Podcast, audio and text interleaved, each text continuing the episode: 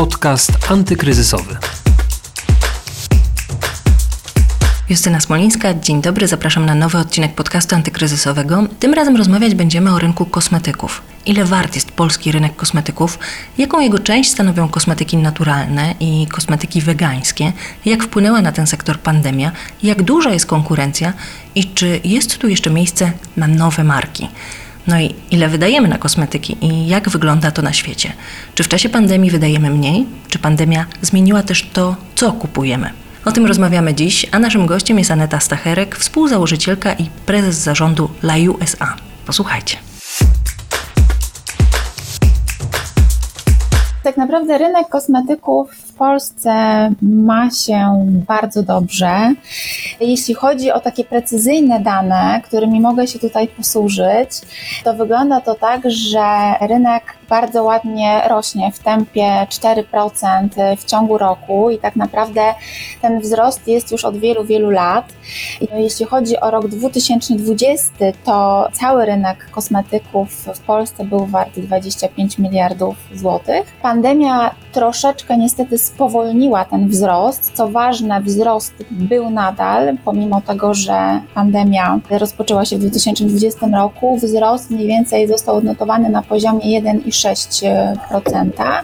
Natomiast jak obserwujemy i to jak widzimy, jakie są analizy Wygląda na to, że w 2021 roku wszystko wróci na tory sprzed pandemii. Wzrost mniej więcej prognozowany jest na poziomie 4% i wartość rynku w tym roku wyniesie mniej więcej 26,1 miliarda złotych. A proszę powiedzieć, jaką część tego rynku stanowią kosmetyki naturalne, a jaką na przykład kosmetyki wegańskie? Ile warte są te segmenty tego rynku? Generalnie nie ma takiego jednoznacznego podziału na kosmetyki naturalne i wegańskie, bo też trzeba o tym pamiętać, że nie każdy kosmetyk naturalny jest też kosmetykiem wegańskim. Natomiast jeśli chodzi o, o rynek produktów naturalnych w Polsce, był on wart prawie miliard, ale to są dane z 2018 roku ponieważ te badania nie są robione tak systematycznie raz w roku i wtedy też kosmetyki naturalne odpowiadały za 4% wartości całego rynku kosmetyków naturalnych w Polsce. No i tak jak widzimy, ta branża, jeśli chodzi o kosmetyki naturalne, cały czas rośnie. Jeśli chodzi o z kolei kosmetyki ekologiczne, to tutaj podpierając się raportem, wzrósł rynek kosmetyków ekologicznych, jest to raport z czerwca 2020, o 39% w stosunku do poprzedniego poprzedniego roku i wynosił 200 milionów złotych, więc tutaj rzeczywiście też te wzrosty są bardzo duże. Natomiast w przypadku kosmetyków wegańskich możemy posłużyć się takim raportem firmy badawczej Grandview Research, który prognozuje, że do 2025 roku wartość światowego wegańskiego przemysłu kosmetycznego osiągnie 28 miliarda dolarów, porównaniu z 2017 rokiem, bo takie są też dane, gdzie wynosił 12,9 miliarda dolarów duży wzrost. A proszę powiedzieć właśnie, jak na ten rynek kosmetyków w Polsce w ogóle wpłynęła pandemia? Bo trochę Pani już o tym wspomniała, że po prostu przyhamowała wzrosty, ale co jeszcze się zmieniło? Oczywiście przyhamowała wzrosty, natomiast y, zadziało się w sumie dużo, można powiedzieć, pozytywnych rzeczy z racji tego, że Polacy zdecydowanie bardziej zwrócili uwagę na to przede wszystkim, co jedzą, czyli właśnie jak się odżywiają, czyli zmieniły się zupełnie e, tak naprawdę trendy, jeśli chodzi o podejście do życia, do zdrowego stylu życia. I tutaj, co istotne, kosmetyki naturalne wpisują się w ten trend właśnie zdrowego trybu życia.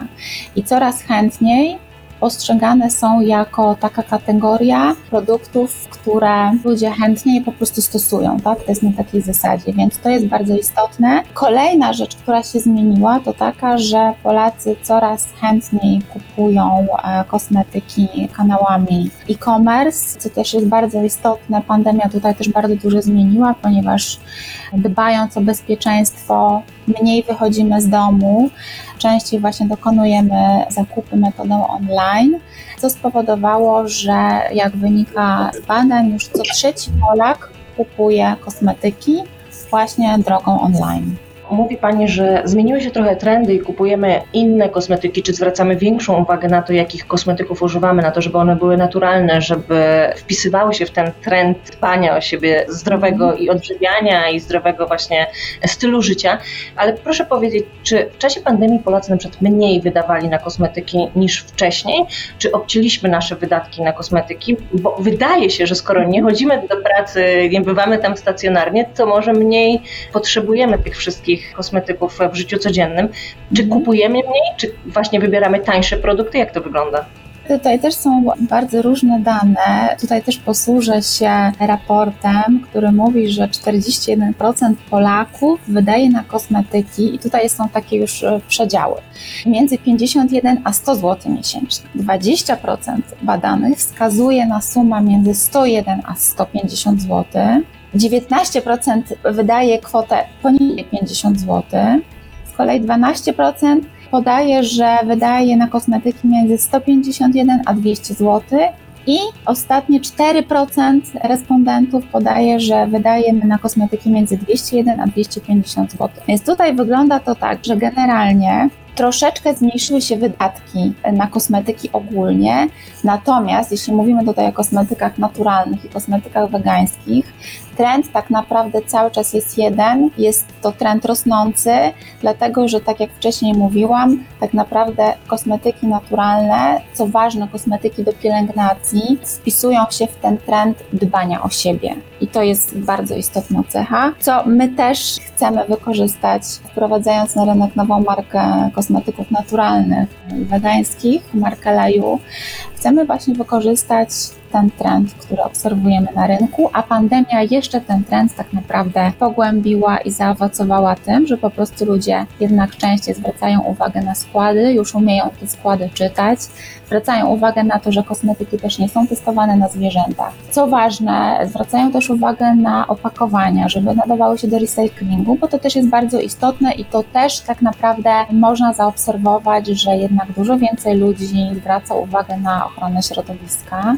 Dodatkowym elementem jest jeszcze to, że zwracają też coraz większą uwagę na to, gdzie te kosmetyki są produkowane. Czy są produkowane w Polsce, czy poza granicami naszego kraju. Więc myślę, że tutaj ta świadomość też rośnie i wybieramy te produkty, które właśnie produkowane są lokalnie, które nie potrzebują przebyć e, kilkaset tysięcy kilometrów, aby dotrzeć do naszego domu, tylko produkowane są u nas. Co ważne, kosmetyki polskie cieszą się też bardzo dobrą jakością i nasi klienci, konsumenci to bardzo doceniają. Wspomniała Pani o tym, że startujecie ze swoją nową marką. W okres pandemii wydawałoby się, że nie jest to czas, kiedy warto rozpoczynać nowy biznes, że jest to duże utrudnienie. Natomiast jak to wygląda w Waszym przypadku? No i kiedy zamierzacie wejść e, na rynek i wystartować? Właśnie, wydaje się, że pandemia tutaj mogła trochę pokrzyżować plany, natomiast my tak naprawdę nie boimy się tego, ponieważ widzimy, jak pięknie rośnie rynek kosmetyków naturalnych, wegańskich. Jak ludzie doceniają to, że są to produkty właśnie produkowane w Polsce i z racji tego, że widzimy, jakie są wzrosty, jakie jest zainteresowanie tego typu produktami, nie boimy się tego, tym bardziej, że co też istotne, nastąpiła też taka ważna rzecz, o której też się często mówi, czyli celebratyzacja życia. I wygląda to tak, że coraz więcej konsumentów e, zwraca uwagę na to, all czego używają inne gwiazdy. Mówię tutaj o aktorkach, mówię tutaj o piosenkarkach, ponieważ jak na dłoni tak naprawdę możemy obserwować ich życie, możemy obserwować, jak o siebie dbają, co jedzą. W związku z tym, dlatego zdecydowaliśmy się też na współpracę z Weroniką Rosati, która pomaga nam wprowadzić te produkty na rynek, współpracuje z nami tak naprawdę przygotowując produkt od podstaw, czyli od składów, po zapachy, po wybór opakowań, więc to też jest istotne, bo wiemy, że Weronika ma bardzo dużo osób obserwujących, pięknie wygląda, dba o siebie, jest weganką i to też chcemy przełożyć, pokazując nasze kosmetyki, inspirując się Kalifornią i inspirując się w ogóle Ameryką, chcemy pokazać też trochę tego wszystkiego w naszych kosmetykach. A kiedy startujecie? Kiedy kosmetyki będzie można startujemy, kupić w Polsce? Startujemy w maju. I startujemy od e, linii brązującej, brązującej, ale też pielęgnacyjnej, bo tak naprawdę, co też ważne, o czym wcześniej nie powiedziałam, rynek kosmetyków naturalnych to jest jedno, ale coraz więcej ludzi zwraca uwagę na właśnie kosmetyki pielęgnacyjne, coraz częściej je kupuje. Z racji tego, że właśnie mniej wychodzimy z domu, kosmetyki do makijażu sprzedają się teraz zdecydowanie słabiej, a tutaj pielęgnacja wygrywa, więc e, dlatego ruszamy z pielęgnacją i chcemy iść dalej właśnie w tym kierunku, jeśli chodzi o kosmetyki naturalne, głównie kosmetyki pielęgnacyjne. To jest dla nas najważniejsze. Wspomniała Pani już o Weronice, o Stanach Zjednoczonych, o Kalifornii, więc przejdźmy do tego światowego rynku kosmetyków. Czym ten nasz polski rodzimy rynek różni się od światowego rynku kosmetycznego? Mm, Jak ten rynek kosmetyków wygląda na świecie? Ile jest wart? I czy właśnie te kosmetyki naturalne też są równie popularne jak u nas? Oczywiście w tym momencie te rynki, można powiedzieć, są do siebie trochę podobne, ponieważ pandemia zmieniła globalnie wszystko, zarówno w Polsce, jak i na świecie wygląda to podobnie. Natomiast też, jeśli chodzi o światowy rynek kosmetyków, również widzimy, że jest w długoterminowym takim trendzie wzrostowym i przed pandemią był on wart ponad 500 miliardów dolarów. Rok, w którym zaczęła się pandemia 2020 spowodował spadek, natomiast tak czy tak był to spadek niewielki i w 2021 roku prognozuje się, że wszystko wróci do normy, że wzrost będzie prawie tak jak tutaj dysponuje raportem, wzrost będzie o prawie 8% do poziomu 525 miliardów dolarów. Tyle będzie wart rynek kosmetyków na świecie. Natomiast co warte podkreślenia, jeśli chodzi o udział w światowym rynku kosmetyków, największy tak naprawdę udział mają produkty pielęgnacyjne i w 2019 roku stanowiły one 41% i wiadomo, że ten trend rośnie nie tylko na świecie, rośnie też w Polsce. Więc tutaj tak naprawdę widzimy bardzo duże podobieństwa. Jedyna może taka różnica między rynkiem y, światowym a polskim to taki, że światowy rynek może już jest bardziej nasycony, jeśli chodzi o kosmetyki naturalne, kosmetyki wegańskie, ponieważ tam już wcześniej ta moda przyszła do nich i tam jednak ta świadomość w ogóle dbania o siebie, dbania o zdrowie, dbania o swoje ciało, o swoją urodę, już tam ta świadomość była troszkę większa wcześniej. U nas przyszło to troszkę później, także u nas jeszcze nie ma takiego nasycenia, jakie jest na przykład w Europie Zachodniej, czy może też po części w Stanach Zjednoczonych.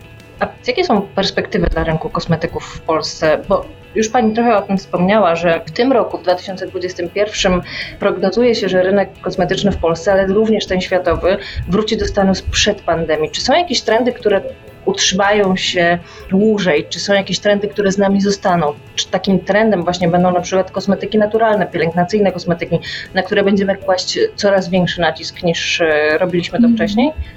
Myślę, że zdecydowanie tak, że trend, który jest teraz, on się nie zatrzyma, on będzie cały czas. Konsumenci będą coraz bardziej świadomi, a co za tym idzie, będą wybierać coraz częściej kosmetyki naturalne z bardzo dobrymi składami, więc to będzie taki trend, który myślę, że będzie cały czas rósł. W Polsce na pewno, na świecie myślę też, ponieważ oczywiście są kraje e, w Europie Zachodniej czy powiedzmy Ameryka, gdzie to nasycenie kosmetykami naturalnymi jest już dosyć duże, natomiast generalnie jest jeszcze wiele krajów, które widzimy, że tą tendencję przejmują i też te kosmetyki naturalne zaczynają się sprzedawać coraz lepiej i świadomość jest coraz wyższa.